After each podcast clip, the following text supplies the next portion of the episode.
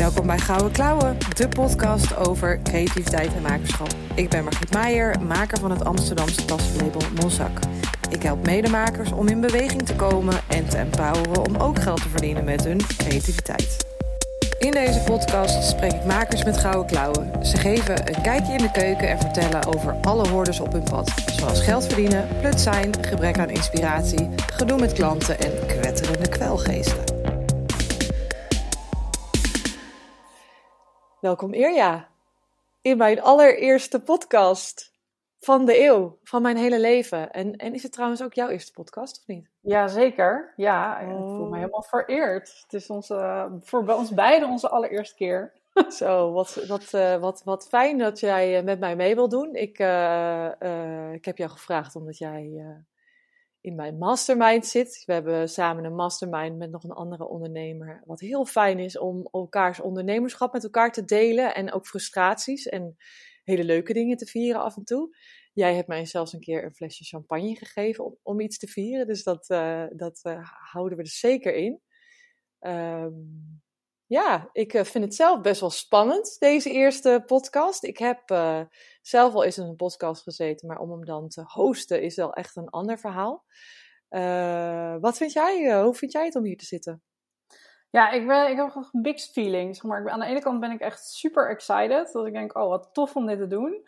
En ook wel lekker uit mijn comfortzone. Dus ik voel wel ook lichte spanning in mijn buik.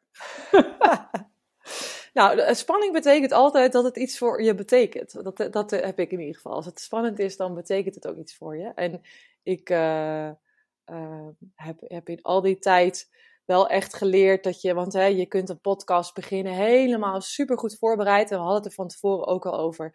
Met, met al de equipment eromheen, een dikke vet professionele mic en een camera en eh, alles, eh, de whole shebang. Maar je kunt het ook gewoon zo laagdrempelig mogelijk eh, beginnen. En dan gewoon zien waar het heen gaat. En dan een beetje gaandeweg bijschaven. Dus gewoon doen en eh, niet in je hoofd blijven. En dat, dat is een beetje mijn, eh, eh, mijn idee achter, achter deze podcast. Om gewoon te gaan proberen. En eh, ik ben dan van tevoren al bang dat de kwaliteit van het geluid niet goed is. En als je dit luistert, je kunt hem ook bekijken. En, eh, dus dan kun je ons zien. Dan weet je naar wie je luistert. Uh, maar ik dacht, joh, uh, fuck it, ik ga gewoon lekker beginnen. En ook al is het geluid niet 100% fantastisch, dan je kunt me nog steeds horen en daar gaat het om. Um, ja, wij hebben elkaar, uh, als, ik, als ik aan Irja denk, dan, dan denk ik gelijk aan het moment dat wij samen een paardencoaching sessie deden. samen met, met een paar andere dames, waaronder Romy, waar we allebei coaching ook van hebben gehad. Uh, wij kennen elkaar ook weer via Romy, via The Next Normal, een, een ja. club, club mensen die uh, duurzaam uh, onderneemt. die, die wel ook heel erg pionier, pioniers waren, hè? die wel een beetje met de tijd vooruit of op de tijd vooruit liepen. Hoe zie jij dat? Zeker, ja, ook wel door ehm, mensen die duurzaam willen ondernemen bij elkaar te halen en daar echt met elkaar te verbinden. En ook als persoon zelf wel, uh, zie ik ze ook wel als pioniers, die drie dames. Ja, zeker, zeker. Maar het is, het is, um, dit is ook alweer een paar jaar geleden, sowieso een paar jaar voor corona. En, en ja, duurzaam ondernemen is natuurlijk steeds meer hot topic, maar toen was het nog helemaal niet zo. Dus ik vond het ook wel cool dat we, daar, uh, dat we daarbij uh, bij, bij hoorden. Zeker, en, en blij ook om, om nou ja, like-minded ondernemers uh, te hebben. Want in die, al die jaren ondernemen heb ik wel gemerkt hoe belangrijk het is. Om, en net zoals wij nu weer met z'n drie like-minded mastermind hebben. Ja. Um, is dat gewoon super belangrijk. En, en, wat maakt dat het belangrijk is voor jou in je ondernemerschap? Uh, ja, ook om je te kunnen spiegelen, om feedback te kunnen krijgen en te, te groeien. Uh, door uh, met anderen te praten. Ik, bij, mij gaat het echt pas stromen als ik met anderen praat. Ik kan, uh, kan heel erg hokjes, of in rondjes blijven draaien in mijn hoofd. Mm -hmm. maar zodra ik ga praten met anderen, komt er eigenlijk een, meer een soort ja, vloeiende lijn uit. Ehm, en vallen puzzelstukjes meer op zijn plek. Dus ik heb wel echt nou ja, in de afgelopen tien jaar ondernemen gemerkt dat ik heel goed ben in mijn eigen hoofd blijven hangen. Maar zodra ja. ik eigenlijk met andere mensen ga praten, dingen veel helderder worden. Ja. Dus ja, voor mij is een belangrijk onderdeel van ondernemerschap, uh, is naast uh, dat het heel leuk is om met andere ondernemers uh, te borrelen en te kletsen, ook gewoon echt heel belangrijk om te, te groeien. En ehm, weer eigenlijk door alleen al te praten, weer inzichten te krijgen.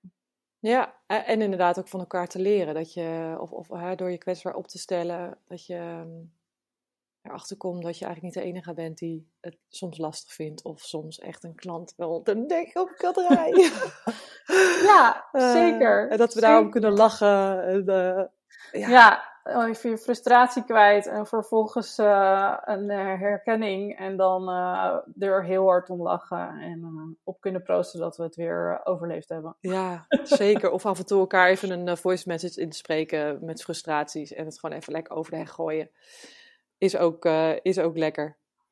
Zeker. ja. ja.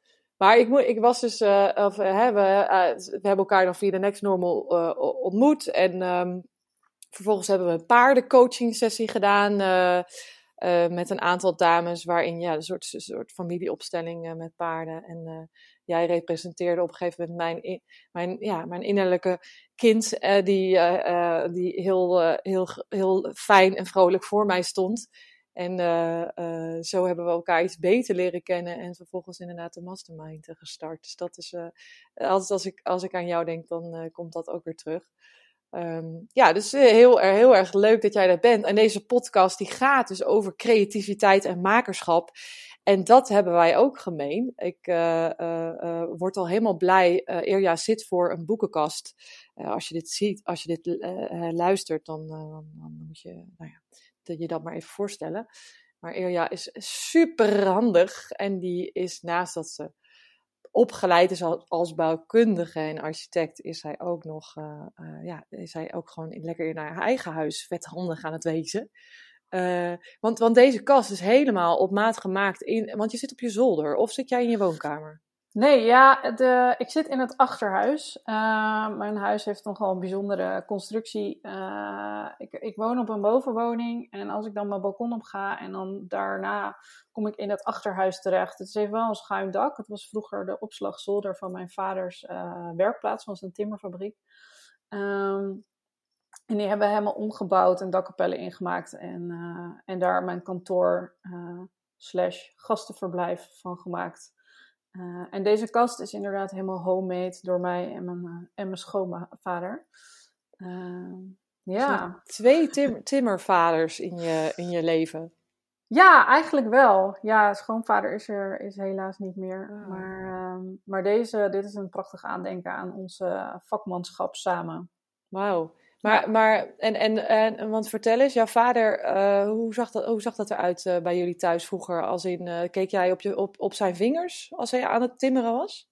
Nou, ik weet wel dat ik als klein meisje ehm, in de werkplaats op de werkbank zat met een blokje hout, een schuurpapiertje, een paar spijkers en een hamer. En dan heb ik het echt over vier, vijf jaar. En dan probeerde ik dat blokje hout zo glad mogelijk te krijgen. Dat je nou ja, het gewoon kon aaien als een soort knuffeldier. En ik vond het ook altijd een kunst om zo min mogelijk slagen die spijker in het blokje hout te, te ah. krijgen. Dus dat, uh, ik weet ook nog wel dat ik tijdens mijn studie hadden we een wedstrijdje. En dan kreeg ik die spijker er twee keer in. Dat iedereen echt zo aan te kijken van, hoe dan? Ik zei ja, als je dat vanaf ja, op aan al meekrijgt. Ja, dus ja, nee, ik keek uh, naar mijn vader, die, die was zeg maar het hoofd van de timmerfabriek. Dus hij, uh, hij kan heel veel dingen met zijn handen zelf, maar was voornamelijk aan het regelen doen, opmeten, inmeten, dat soort dingen. en de mannen die dan de trappen en kozijnen maakten, daar zat ik dan vrolijk tussen, lekker met die zaagselgeur om me heen. Dus dat, ja. ja. Daar krijg ik warme herinneringen van. Uh, als ik hout ruik, en oh, dat ja. is voor mij echt de lekkerste geur die er bestaat. Ja, dat, dat snap ik. Dat je je, je neus zo in dat, zaagsel, in dat zaagsel steekt. Of als je om, om, om, omgezaagde bomen, als je langs zo'n stapel bomen uh, loopt. Heerlijk. Ja. ja. Maar dat, en, en, en, en want, want je, je ontdekte dan, oké, ik heb een stuk hout en ik heb een schuurpapier en ik kan dat hout dus veranderen. Uh, um, of ik kan twee stukjes hout aan elkaar maken met een, met een, met een uh, spijker. Hoe, uh, hoe voelde dat? dat, je, dat je dus iets kon bedenken en, en het dan met je handen kon maken? Ja, ik heb dat altijd heel gaaf gevonden. Ik ben daar uiteindelijk niet op die manier met mijn handen aan de slag gegaan. Maar ik vind het wel altijd echt iets fantastisch als je iets bedenkt. En het dan vervolgens ook kan maken. Uh, ja, dat, dat is voor mij echt iets, uh, iets wonderbaarlijks. Uh, en hoe voelde dat? Ja, ik vond het vooral gewoon heel.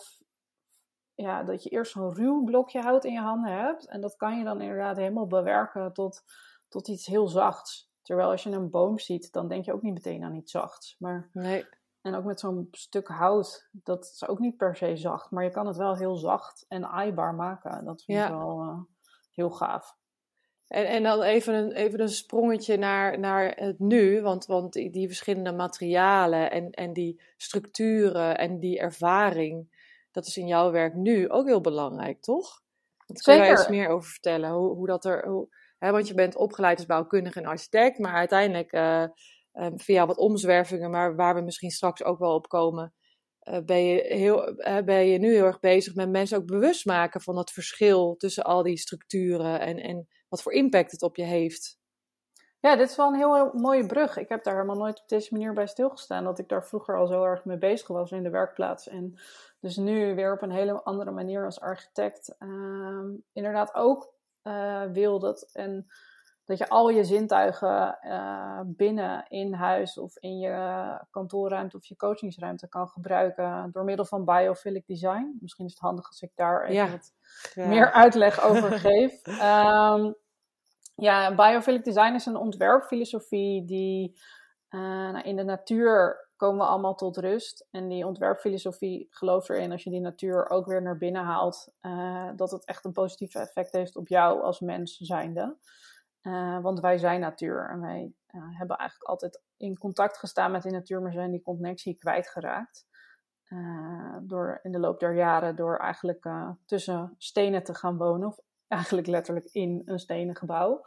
Um, dus die connectie met de natuur, die zijn we kwijt. En door die natuur weer in huis te halen, kan, heeft dat echt een positief effect op jou en op je leven. En hoe je dat dan doet, is inderdaad door al je zintuigen te gebruiken. Dus niet alleen maar door wat je ziet, maar ook uh, de vloer waarop je loopt. Het is eigenlijk, ik vergelijk het altijd met een wandeling door het bos. Als je daar doorheen loopt en je voelt de ene keer de aarde en dan weer een stukje steen onder je voeten. Misschien loop je wel even met je voeten door het zachte mos heen. Met je blote voeten is voor mij echt ultiem. Met je blote voeten door het zachte mos. En dan valt het licht weer op een hele andere manier door de bomen heen. En je ruikt, eh, nou, waar we het net over hadden, of een omgezaagde boom. Of echt die aardegeur die je na een regenbui kan ruiken. Uh, en de textuur van elke boom is weer anders.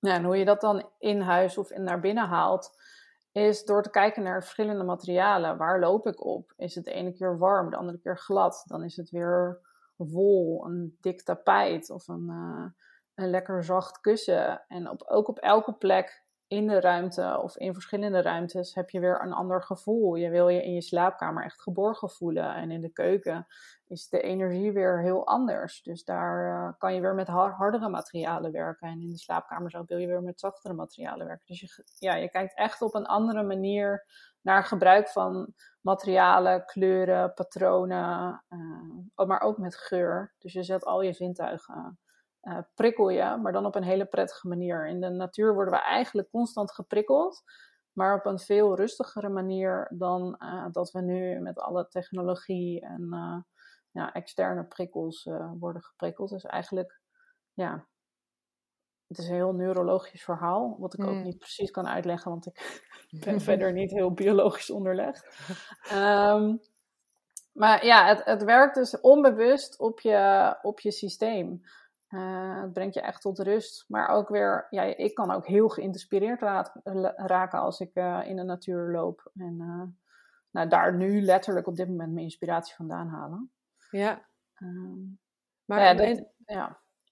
ja hoe, wat wil je zeggen? Nou ja, hoe, ik ben dan nieuwsgierig, want jij je hebt, hebt gewoon een, een, een, wat dat betreft recht toe, recht aan opleiding gedaan. wanneer, wanneer merkte je dan dat je, dat je um, dat jij zelf, ik kan me voorstellen dat jij zelf misschien uh, allereerst merkte dat je verbinding met de natuur kwijt, uh, kwijt was geraakt. En, en hoe heb je dat hoe ben je erachter gekomen dat dit een manier is voor jou om en architectuur en natuur met elkaar te combineren?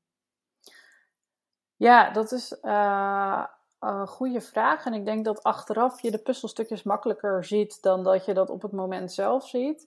Maar ik heb altijd al echt een enorme fascinatie gehad voor de natuur. En ik denk dat die bij mijn oma vandaan komt. Want die, ik kon daar echt bij haar in de tuin. Um, kon ze me over alle plantjes en beestjes, kon ze me van alles uitleggen. En ik weet dat zij altijd naar natuurdocumentaires keek. Um, en dat ik bij haar echt die fascinatie voor alles wat groeit en bloeit uh, vandaan heb. Ik heb ook mijn eigen moestuin en kan daar helemaal in verdwalen. Uh, met uh, dat, een zaadje dan ineens een komkommer wordt. Hmm. Um, ja, en, en toen las ik een keer over biophilic design. En toen dacht ik, hé, hey, dit, dit wil ik ook. Dit wil ik ook mensen, op mensen kunnen overbrengen en kunnen toepassen in mijn werk. en um, dus ik ben gaan zoeken naar een, uh, informatie daarover. En dat was eigenlijk moeilijk verkrijgbaar in Nederland. Dus, uh, en toen kwam er gelukkig een uh, architect in Engeland met een online cursus tijdens corona ah. naar buiten. En toen dacht ik, dat ga ik nu doen. Ja. en ja, door er dus meer boeken over te lezen en die cursus te gaan doen, ben ik dat gaan integreren in mijn opdrachten. Dus ook nog niet zo heel lang geleden. Ehm, maar ja, die fascinatie, want ik ben heel even je vraag kwijt. Um. Nou ja, hoe, jij, hoe jij zelf hè, van zo'n, wat ik zei, recht toe, recht, aan opleiding, uh, um, heb je een soort van sidetrack genomen van, ja, dat, dat, is, dat is zoals het hoort, maar het past misschien niet helemaal bij mij, bij mijn stijl. Dat je, het, dat je echt een soort persoonlijke behoefte misschien ook voelt om je huis op een andere manier, hè, zintuigen, prikkelend uh, in, te richten. ik, ik geloof erin dat je altijd eerst zelf ergens behoefte aan hebt en dan in één keer achterkomt dat er heel veel mensen om je heen ook ergens behoefte aan hebben. Klopt. Ja, nee, ik, merk, ik merkte wel um, uh, dat als ik buiten ben en in de natuur ben, dat, uh, dat ik daar tot rust kom. En toen dacht ik wel van ja, maar hoe kan het zijn dat we dan in huis of in een ruimte minder goed tot rust komen of, of niet ontspannen raken? En ik denk dat ik dat tijdens mijn overspannen periode van drie jaar geleden nog meer uh, bewust van werd. Van mijn huis was op dat moment mijn veilige thuishaven. En waar komt dat door? En ik denk door me daar zeg maar, bewust van te zijn. Van die rust die mijn huis brengt. En, dan, en uh, toen in aanraking te komen met de theorie, dat ik eigenlijk de, de link met elkaar heb gelegd. Mm. Uh, dus dat ik onbewust al met die zintuigen bezig was in huis. En uh, door, voor mij is bijvoorbeeld licht heel belangrijk, uh, rustige kleuren, echt gebruik maken van hout, uh, goed terug te kunnen trekken op de bank eh, en daar helemaal in weg te kunnen zakken. een houten vloer. Ehm, Heel veel planten, sowieso. um, ja, dat, dat ik eigenlijk uh, achteraf de linkjes tussen biophilic design en mijn eigen huis heb gelegd en de natuur en mijn, mijn voorkeur voor de natuur, dan dat het een soort uh, openbaring was van, oh wacht, dit, uh, dit is het probleem en dit, zo pas ik het toe. Ja. En ik heb nu een oplossing voor anderen. Het was meer, ja, het is bij mij voelt als een ander soort proces. Eh, en, en, het is, dan, het is, is het dan dat je een taal hebt gevonden eigenlijk in dat biophilic design? Een taal die je zelf al wel sprak zonder dat je het door had? Ja, ik denk het wel. Ik denk dat dit mij nu, zeg maar, voor wat ik intuïtief al deed en aanvoelde uh, en toepaste, dat ik, dat, dat ik daar nu een taal voor heb gevonden. Want laatst keek ik inderdaad naar een, een project wat ik negen jaar geleden heb, heb gedaan. Een inrichting voor een wachtkamer van, van huisartsen. En daar werd ik nu weer voor gevraagd voor de spreekkamers. En toen dacht, keek ik terug naar wat ik daar ontworpen had. Toen dacht ik, oh ja, dit zou je echt ook onder biophilic design kunnen, kunnen scharen. Dus dat, uh, ik denk dat ik er onbewust al heel erg mee bezig ben geweest. Omdat die natuur mij al jaren fascineert. En uh, ja, en dat ik nu wel nog bewuster dingen kan toepassen en het kan uitleggen. En door het bewustzijn dat mensen het ook veel beter begrijpen. Uh, want ik denk als je er bewust van bent, dat je er ook op een andere manier mee omgaat dan dat je dingen onbewust uh, tot je krijgt. Zeker. En, en ook jouw ervaring met hoe belangrijk je huis eigenlijk is, ook in een, in een periode waarin het niet zo uh, lekker met je gaat. Dat, dat, ook, dat die ervaring ook andere uh, inzichten kan geven in, oh ja, mijn huis is misschien wel, of ik heb mijn huis misschien wel meer voor lief genomen dan dat, dan dat het is eigenlijk. Of dat je er wij hebben, wij hebben ook wel eens een gesprek gehad over de inrichting van uh, mijn atelier, uh, die ik ook als eh, coachruimte gebruik. En dat je dan bepaalde vragen stelt. Dat ik denk, oh ja, grappig. Ja, als ik een vloerkleed neer zou leggen, dan zou het ook gelijk veiliger voelen. Daar heb ik nog nooit ja. eerder over nagedacht dat een vloerkleed voor veiligheid uh, kan zorgen. En als ik jou even, even zo in jouw hoofd meega van stel je zit met een burn-out thuis, ja, dan, dan moet dat echt wel ook een veilige omgeving zijn. Want, want de rest eromheen uh, voelt dan op dat moment onveilig, kan ik me voorstellen. Zeker, het is heel belangrijk dat, dat de ruimte waarin je bent, en ook als je niet in een burn-out zit, maar bijvoorbeeld wat jij inderdaad zei met, met je coachingsruimte. Ja, tijdens coaching stel je jezelf ook bloot en geef je jezelf bloot. ga je toch een laagje dieper dan in een, in andere soorten gesprekken. Uh, dus die ruimte kan je ondersteunen daarin. Kan je extra veiligheid geven of verbinding. Want je had het ook met dat vloerkleed over. Oh ja, dan ben je ook voor letterlijk verbonden met elkaar. Ja. Uh, doordat de, ja, dat vloerkleed je verbindt. Ja, ja uh, zeker. Dus de omgeving, die, die, die kan je echt ondersteunen in, in je doen en laten en in je dagelijkse bezigheden. Of ja, in periodes dat je je even wat minder goed voelt. Maar ik, ja, ik geloof er wel in en dat, dat uh, uh, laat ik mensen ook weten als ik ga ontwerpen voor ze. Van uh, je ruimte kan jou echt ondersteunen en, je, en een toevoeging zijn aan je leven. Dus het is niet alleen maar een heel mooie, mooie ruimte met de Flexa kleur van uh, 2022. Mm-hmm. Uh, en dat ene lampje wat in alle VT Wonen ja. gidsen staat. Nee, bij mij gaat het wel echt verder. Van wie ben jij en wat heb je nodig? En uh, ja, dat die ruimte jou gaat weerspiegelen. En ja. andersom, dus ook weer gaat inspireren. Dus eigenlijk is het gewoon een weerspiegeling van wie jij bent. Ja, ja en dat je dus ook... En dus ook, ook ja. Nee, zeg maar. nou ja, en zeg maar, die, die plek in de natuur is ook voor mij een hele belangrijke inspiratie. Want de een houdt van het bos en de ander van het strand en de ander van de bergen. Dus dat zegt ook iets over wie jij bent. Dus het is niet dat ik alleen maar het bos naar binnen haal. Nee, ik ga echt wel met jou in verbinding van welke plek uh, is voor jou inspirerend. Waar kom jij tot rust? Waar haal jij je inspiratie en je, uh, welke, welke elementen zijn voor jou belangrijk? Ja. Is ja. voor iedereen anders. Zeker.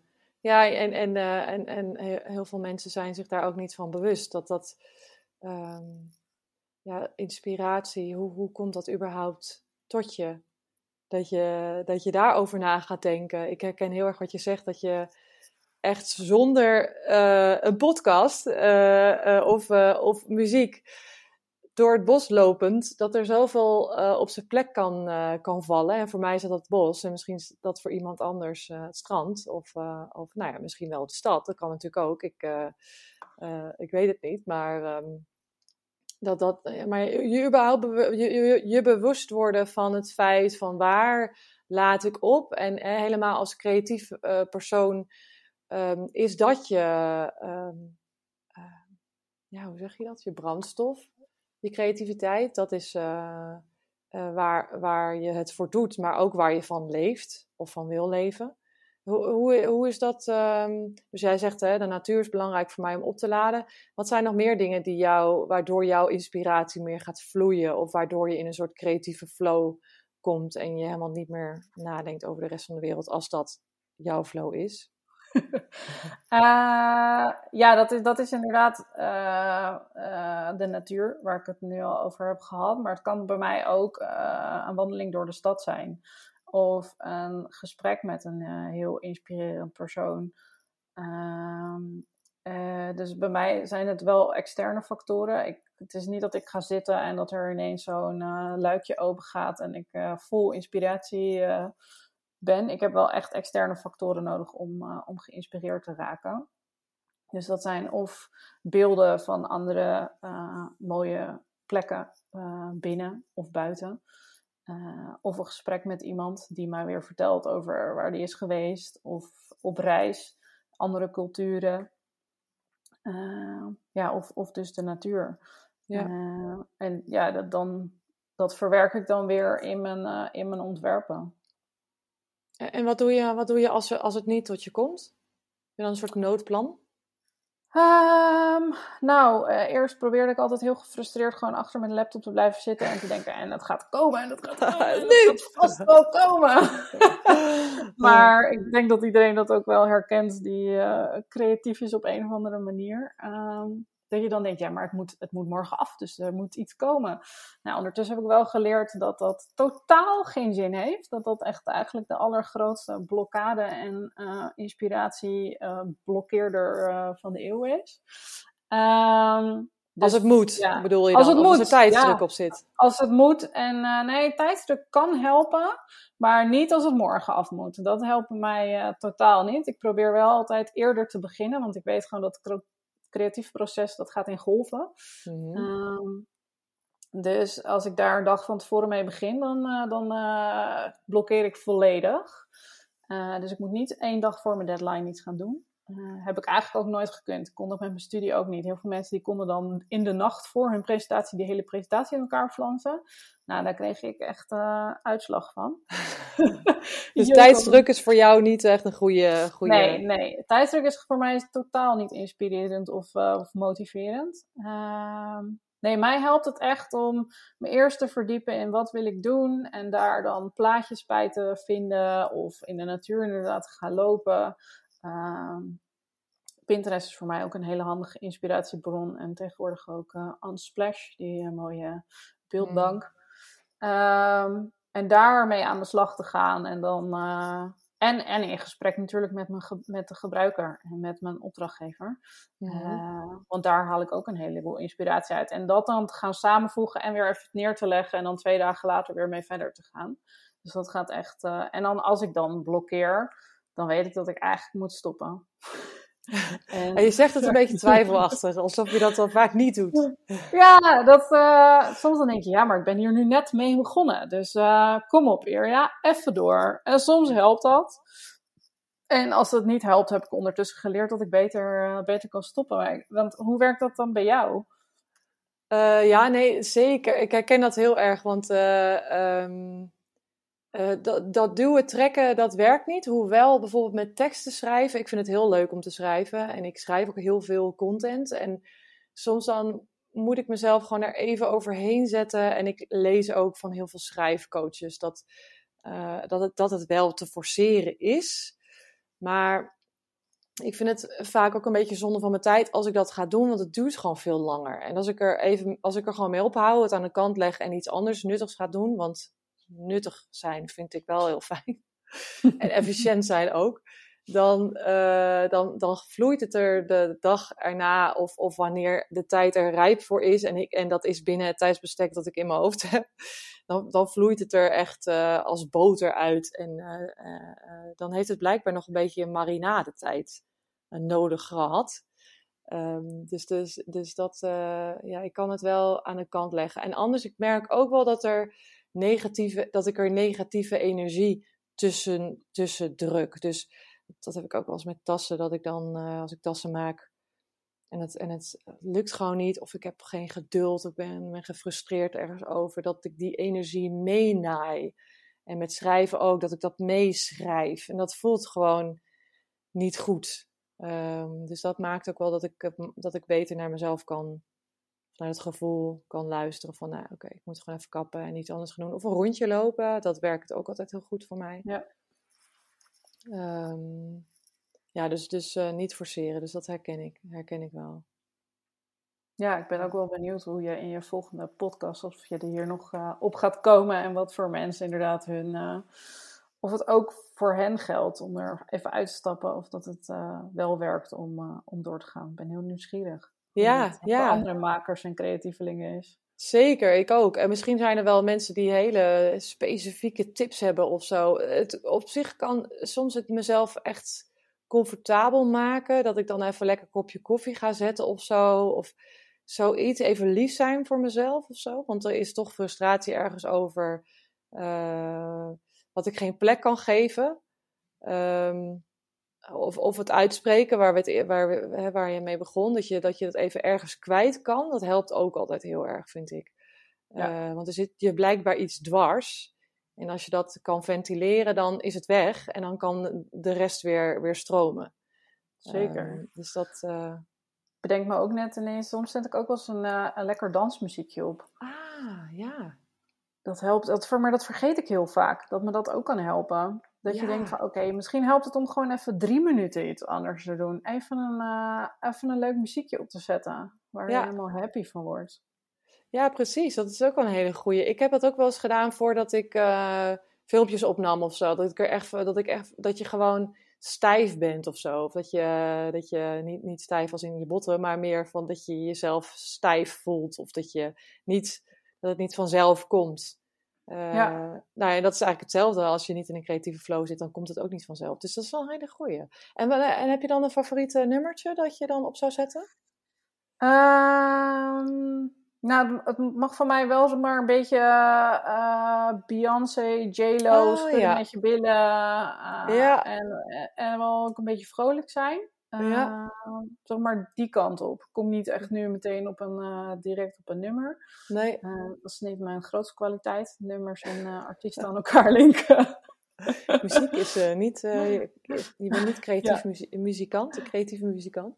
Nee, ik vind muziek luisteren en naar concerten gaan echt heel leuk. Maar de- dan, oh, wat, wat, oh ja, dit nummertje, wat is de artiest ook alweer? Geen idee. Maar ja, dit is meer een beetje Beyoncé, J-Lo. Ja. Even lekker. een soort fierce, eh, ik ja, ga de wereld eh, aan. eh, ja, Ja. I can handle this. I got this, I got this. Ja. Hey, en en wat, wat zijn nog meer dingen waar, hè, meer dingen die jij, je had het al over je moestuin, dingen die je met je handen doet waar je, waar je blij van wordt? Dat je goed kan of... Ja, nou, dit is wel eh, ehm, ik, grappig, want ik, ik eh, van mijn moestuin en met planten bezig zijn, daar word ik echt heel blij van. Ehm, en ik vind eh, tekenen en schilderen heel leuk, maar daar zit echt een eh, lichtelijk traumaatje op van mijn, van mijn studie. Dat ik te horen kreeg dat ik niet goed kon tekenen. En, Oh. Dus daar moet ik me dan echt overheen zetten. Maar ik heb wel eens van die creatieve tekensessies gedaan.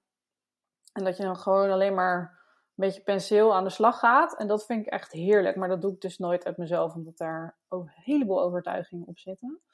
Zoals? Eh, Ja, ik kan dus- niet tekenen, het wordt lelijk, eh, je ziet toch niet wat het is. ehm, maar dat soort eh, overtuigingen. ja. Dus waarom ben ik dit aan het doen? Want het moet mooi worden of zo. En dat zijn dus, die, dat, eigenlijk is het een soort herhaling van die stem van die ene docent die vond dat je niet goed kon tekenen, die dat misschien alleen maar zei om jou uit te dagen. Ik heb geen idee wat zijn gedachtegang daarachter was. Maar ehm, eh, de, die stem die zit wel behoorlijk eh, eh, in mijn hoofd, ja. Terwijl ik, eh, als ik dan naar vroeger, naar, ja, ik heb wel gewoon ook op de middelbare school, zelfs eindexamen tekenen gedaan. Ik vond het wel echt altijd heel leuk om te doen. Maar dat is toch tijdens mijn studie een beetje verpest. Hmm. Hmm, misschien eh, kunnen we die meneer eh, eventjes een, deze podcast Ja. eh, doorsturen. Ja. Eh, en, en, en wa- want dat, zijn, dat is dan iets wat, wat van, van hè, een externe stem. Zijn er, zijn er ook nog andere kwetterende kwelgeesten die eh, in jouw huis, eh, huis in jouw hoofd huishouden? eh, die je af en toe dingen zeggen eh, die niet zo lief zijn? Of, eh, Zeker zijn die er. Ja, die eh, zijn zeker aanwezig. Ik, ehm eh, ik wel mooi, jij, jij schrijft heel vaak over perfectionisme en faalangst. Mm. Ehm, en volgens mij had jij eh, laatst eh, tijdens een eh, workshop ook zo'n hele mooie zin over perfectionisme. ja. Ehm, toen dacht ik, ja, dat is voor mij. eh, ik ben er echt veel milder in geworden in de loop der jaren. Maar ik merk wel elke keer als ik aan iets nieuws begin, dus of, eh, of een nieuwe studie, of een. Eh, ehm, nou ja, nu bijvoorbeeld met deze podcast of live op Instagram, dan komt dat stemmetje in mijn hoofd van ja, het moet wel goed gaan. En of wie zit hierop te wachten? Uh, wie wil er nou naar jou luisteren? Er zijn toch anderen die veel beter zijn. Maar die stemmetjes, die kunnen mij wel echt uh, kwellen of hmm. behoorlijk kwetteren in mijn hoofd. Hmm. Ehm, en nou ben ik er gelukkig nu na heel veel jaren en verschillende soorten coaching en nou ja, paardencoaching waar je het over gehad hebt en andere soorten coaching wel achtergekomen van nee, die stemmetjes zijn totaal niet helpend. Ehm, ze zijn wel beschermend ehm, en willen je iets vertellen, maar je hoeft niet uh, altijd uh, naar ze te luisteren en ze te volgen. Dat is wel hele mooi, heel, heel mooi dat je, dat, zo, dat je je daar al zo bewust van bent en ja, ze niet altijd, altijd serieus neemt. Zeker, zeker. En dat gaat de ene dag beter dan de andere hoor. Dus het is niet dat ik nu denk, hé, hey, daar heb je Truus weer die mij probeert te beschermen en het allemaal heel goed bedoeld, maar eigenlijk gewoon de mond dicht mag houden. Ja, ja. Ehm, dat gaat de ene dag sneller dan de andere. En, en, en, wat en, wat maakt het dan? De, uh, hoe hoe um, is je toestand dan als, dat, als je dat niet gelijk doorhebt? Is dat vermoeidheid dan? Of, of... Uh, nou, ik had vorige, vorige week nog een mooi voorbeeld dat ik tien jaar ondernemerschap vierde en even stilstond bij wat ik allemaal gecreëerd heb en de hele transformatie van mijn nieuwe bedrijf waar ik in zit. En dacht van, maar is dit wel het goede? En ben ik hier nou, ehm, wil ik dit nou wel? Ehm, nou, ik ben wel echt goed in je vragen vergeten. Wat zei je nou precies? Nee, dat, dat, dat, uh, dus soms neem je die, neem je die stemmen uh, heel serieus. En soms kan je ze gewoon zo over je schouder, hè, of in ieder geval zo bijna over je schouder roepen van... hé, hey, ik zit aan het stuur van mijn leven, niet jij. Ga maar even op de achterbank zitten. En waar, waar, het, als je weet wanneer je er gevoelig voor bent... Um, en wanneer wat minder gevoelig van, dan kan je ook kijken of je kan voorkomen dat je bijvoorbeeld moe aan je werk begint. Ik noem maar wat. Hè. Ik heb dat namelijk als ik, als ik vermoeid ben, dan ben ik gewoon minder scherp en helder. En dan uh, komen die stemmen gewoon wat harder binnen. En dan luister ik er meer naar. Ja, ja, ja, op die manier. Ja, nee, klopt. Eh, als ik moe ben of uh, niet lekker in mijn vel zit of er is net iets gebeurd, weet je wel, ik heb ruzie met mijn vriend gehad en ik probeer daarna aan de slag te gaan, dan kunnen die stemmen wel echt harder en sneller binnenkomen dan dat je helemaal on fire uh, met een superleuke ontwerp bezig bent en dat lekker stroomt en je met een ja. mooi presentatieboekje bezig bent. En als het dan uh, komt er ook wel eens een stemmetje langs van is het wel goed genoeg? En dan denk ik nou eer ja, is het wel goed genoeg? Volgens mij wordt iedereen hier altijd heel erg blij van.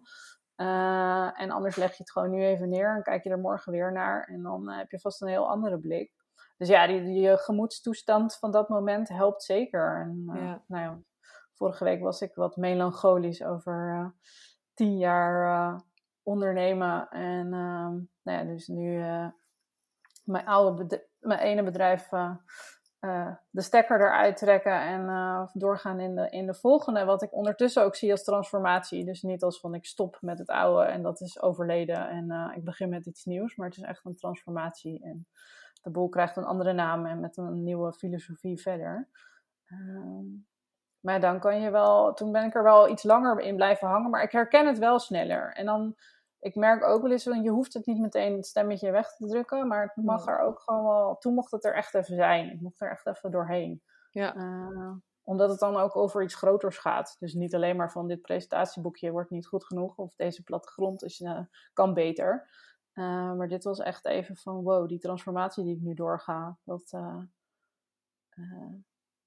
is ook gewoon best wel groot. Ja. Een bedrijf wat je tien jaar lang hebt gerund, um, over laat gaan in een nieuw bedrijf. Ja. Dat, uh, daar mag je ook wel even bij stilstaan. Dus het ligt Zeker. ook echt aan het, aan het moment en uh, uh, waar het over gaat. Ja. Hey, en jij vertelde, of ik weet, dat jij dat bedrijf, dat vorige bedrijf, met iemand anders had. En ehm, je gaat het nu in je eentje doen. Ik ben heel erg nieuwsgierig. Hoe vind jij het om jezelf op een zeepkist te zetten? dat maakt natuurlijk het nu misschien ook wel spannender, omdat je het in je eentje moet doen. Ja, nou, ik heb ik vorm, dat is dan mijn, mijn, eerste bedrijf, uh, tien jaar lang in mijn eentje gerund. Dus ik weet hoe het is om het in mijn eentje te doen. En toen dacht ik, ja, ik wil het weer met z'n tweeën doen. Dus ik heb, ben About My Interior, zijn we inderdaad met z'n tweeën gestart. Ehm, en dat vond ik zo leuk om dingen weer samen te doen. En samen beslissingen te nemen en te kunnen sparren over dingen. Want ik ben ook wel echt iemand die graag samenwerkt. Ehm, en ja, dat, dat ging heel lekker. We zaten twee zeg maar, neuzen dezelfde kant op. Ehm, ja, en toen bleek toch dat, uh, dat zij er om uh, een aantal redenen mee moest stoppen. En ik dacht van ja, ik wil dit niet stoppen, ik ga hier met mijn eentje verder. En dat was ook wel echt weer even zo van poeh, um, een omslag. En ik wist dat ik het, ik weet dat ik het kan, want ik ben al tien jaar alleen aan het ondernemen. Alleen ik vond het met z'n tweeën gewoon veel leuker. Maar uiteindelijk heeft het me ook wel weer heel veel gebracht om nu in mijn eentje verder te gaan. En toch weer zelf aan het stuur te zitten. En uh, nou ja, op die zeepkist te staan. En ook letterlijk um, meer de buitenwereld in te, in te komen door Insta-lives. Nou ja, deze podcast. Um, over een maand uh, een workshop. Um, en niet één op één bezig te zijn, maar meer me aan de wereld te laten zien. Ja, ja dat is uh, rete spannend. Uh, ook al uh, onderneem ik al tien jaar. Maar ik kreeg mijn opdrachten altijd via via. Uh, en als je met iets nieuws begint, dan uh, is het, moeten mensen eerst weten dat je iets doet. Dus ja, ja. dan ja. ga je andere kanalen aanboren. En, en, en, kijken of dat werkt. Ja, precies. Dus dat je, dat je, je moet je nu wat, wat meer van jezelf laten horen, omdat je ook een nieuw product eigenlijk aanbiedt. Of een nieuwe dienst aanbiedt. Iets anders dan dat je daarvoor deed, waar je via via dan klanten mee kreeg. Ja, want mensen weten niet dat ik dit doe. Dus je moet natuurlijk eerst horen dat je iets doet voordat je weer nieuwe klanten ja, krijgt. Ja. Uh, want ik krijg nog steeds voor, voor Ikvorm, ja, die website die loopt nog. Dus ik krijg nog steeds opdrachten binnen. Maar ik merk gewoon dat die echt niet meer, uh, meer leuk zijn. Maar die stroom die ik daar had, ja, die heb ik nog niet met About My Interior. Dus dat is wel interessant hoe dat dan werkt. Dat je tien jaar lang een soort netwerk en via via opdrachten binnenkrijgt. En dan dat dat nu anders gaat. Alhoewel ik dus nu ook wel echt al voor About My Interior opdrachten heb lopen. Ook mhm. weer via via. Dus het is um, wel interessant van gaat Instagram of zo'n podcast me nou, uh, nou helpen of moet ik iets anders doen? Of moet ik gewoon met zoveel mogelijk mensen gaan praten en vertellen wat ik doe. En dat er toch weer via via opdrachten binnenkrijgen. En dat, in dat spel, mm-hmm. want zo probeer ik het echt op dit moment te zien als een spel, um, zit ik nu. Ja, en wat, wat, zijn dan kanalen die jou nu, die jou nu helpen? Die je uitprobeert? Ja, ik ben nu probeer, ben ik echt met Instagram bezig. Uh, nou ja, mijn website, want dat is tegelijkertijd ook gewoon mijn digitale portfolio waar ik uh, projecten op kan laten zien. Mm-hmm. En um, ik ga volgende maand een uh, workshop geven in de yoga studio over biophilic design en hoe je die natuur dan naar binnen kan halen in je huis of in je uh, coachings- of behandelsruimte. Ja. En um, ja, dus dat ja, probeer wel niet alleen maar via een website en via, via uh, opdrachten binnen te krijgen. Maar het, ik ben nog niet heel veel kanalen aan het uitproberen, want ik heb ook gemerkt, alles tegelijk, dat uh, werkt sowieso niet goed. Nee, nee. Uh, dus het is nu vooral Instagram en, ja, en dus ook gewoon mezelf laten zien. Want ik weet gewoon dat ik veel makkelijker iets vertel als ik mezelf één op één of met een paar mensen om me heen mijn verhaal vertel. Dan dat ik uh, dat uh, ja, tegen de wijde wereld en wie er naar wil luisteren op Instagram aan het strooien ben.